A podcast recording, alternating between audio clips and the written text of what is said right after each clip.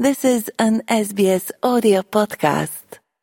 SBS acknowledges the traditional custodians of country and their connections and continuous care for the skies, lands, and waterways across Australia.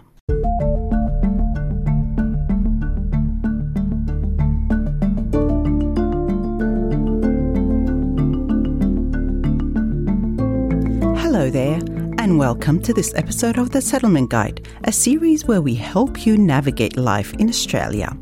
Whether you arrived today, have been living here for years, whether you were born in Australia, or planning to move here shortly, this series is for you. My name is Rosa Germian, and today we will explore the processes involved in finding a rental property in Australia. Right now, fewer than 50,000 rental properties are available across the country. Two years ago, that number was almost double.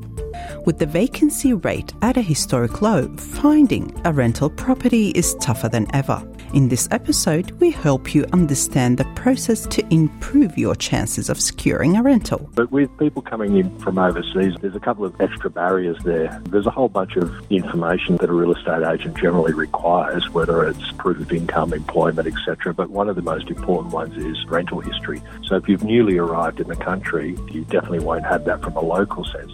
So let's get started. Right now, fewer than 50,000 rental properties are available across the country. Two years ago, that number was almost double. With the vacancy rate at a historic low, finding a rental property is tougher than ever. In this episode, we help you understand the process to improve your chances of securing a rental. Searching for a rental property in this difficult market should be taken as seriously as if it was a job interview. That's the advice from Greg Bader, CEO at Australia's largest rental portal, rent.com.au. He understands the challenges to finding a property. Some agents and, and landlords prefer not to have young people, um, some preference families. But with people coming in from overseas, there's a couple of extra barriers there. There's a whole bunch of information that a real estate agent generally requires, whether it's proof of income, employment, etc. But one of the most important ones is rental history. So if you've newly arrived in the country, you definitely won't have that from a local sense. So that adds, I guess, an extra layer of complication. Typically, rental properties are unfurnished and require a one year lease, which can often be extended. Most properties are advertised on rental sites such as realestate.com.au, domain.com.au, and rent.com.au, along with the time to inspect the property and the weekly rental price. It's important to keep in mind that inspection times are usually 10 to 15 minutes long and are more crowded on weekends than during the week. There are more than 800,000 real estate agents across Australia. However, the application process is inconsistent, Mr. Bader explains. We don't have uniform rules or legislation across the entire country, but typically you're going to need some photo ID, passport, driver's license, etc., proof of employment and income, maybe Australian bank account showing you've got some money in there that can cover the costs. Letter of reference from previous landlords and renting history is a big one. Character references. So they're the normal things that are required. The agent reviews every applicant's documentation, so it's a good idea to have yours ready. If you don't have evidence of rental history, there are other options that an agent will consider. Nick is a tradesman and small business owner from Melbourne. He emailed his local agent with a letter of introduction explaining his situation. After being an owner for over 20 years and then in entering the rental market, it was very difficult because I didn't have any references that real estate agents needed. I proved to them I was viable by just giving them financial and making them understand that I needed to rent after a long period of time and convincing them that I was a worthwhile risk. Because Nick runs his own business, he was able to provide tax returns as proof of income.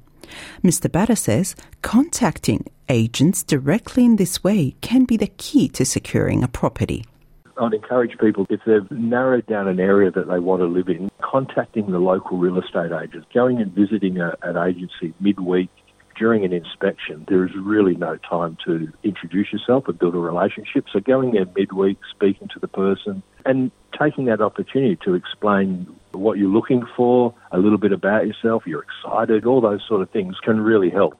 If you do apply online, rental websites and agents will provide application tools that store your information for future applications. As there are many competing application tools, you may need to spend some time uploading your details to several portals. The secret to boosting your chances of being the successful applicant is to speak with the real estate agent before applying. Greg Bader recommends. Given that renting is such a competitive environment now, the number one thing you need to do is when you go to the property inspection, you ask the real estate agent what is their preferred way of you applying because the typical agent will get applications from multiple different sources, ranging from someone that's emailed, someone that's phoned, someone that's applied online. So just check with the real estate agent, and that way you can be assured that you're at least in the list to be considered. Small business owner Nick found his next rental property without going online. After his circumstances changed, Nick spoke directly with his agent about his need to move to a larger property. The brilliant part was that the owner had another property that suited me and I was able to move to that one. So that was a really, really positive situation for me. Didn't really think of it at the time as being something that was possible, but it was a question I asked and that question was a really good one. Nick's current rental property was never advertised because it became available just as he approached the agent. Greg Bader agrees that there are alternatives to searching the major rental portals.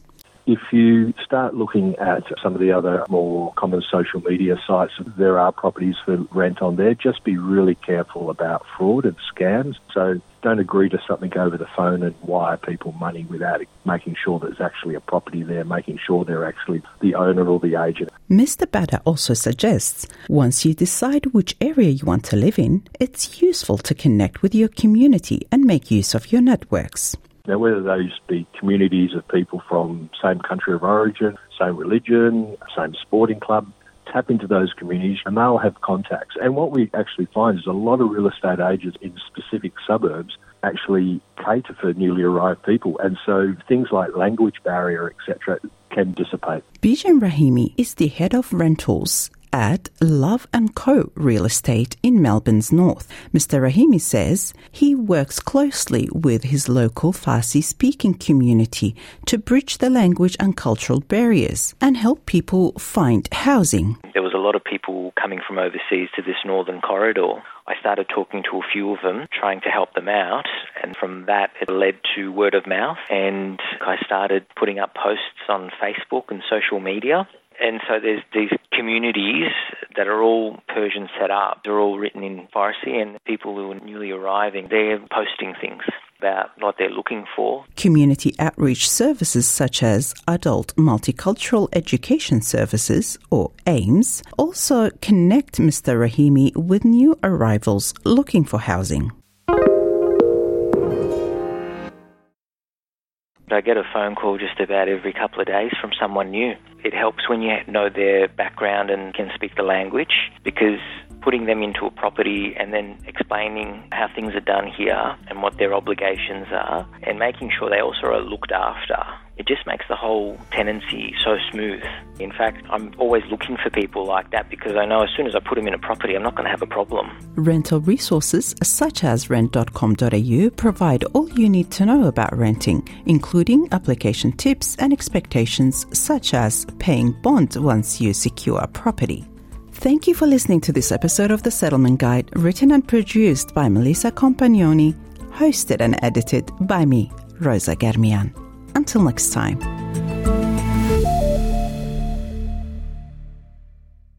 sbs.com.au slash audio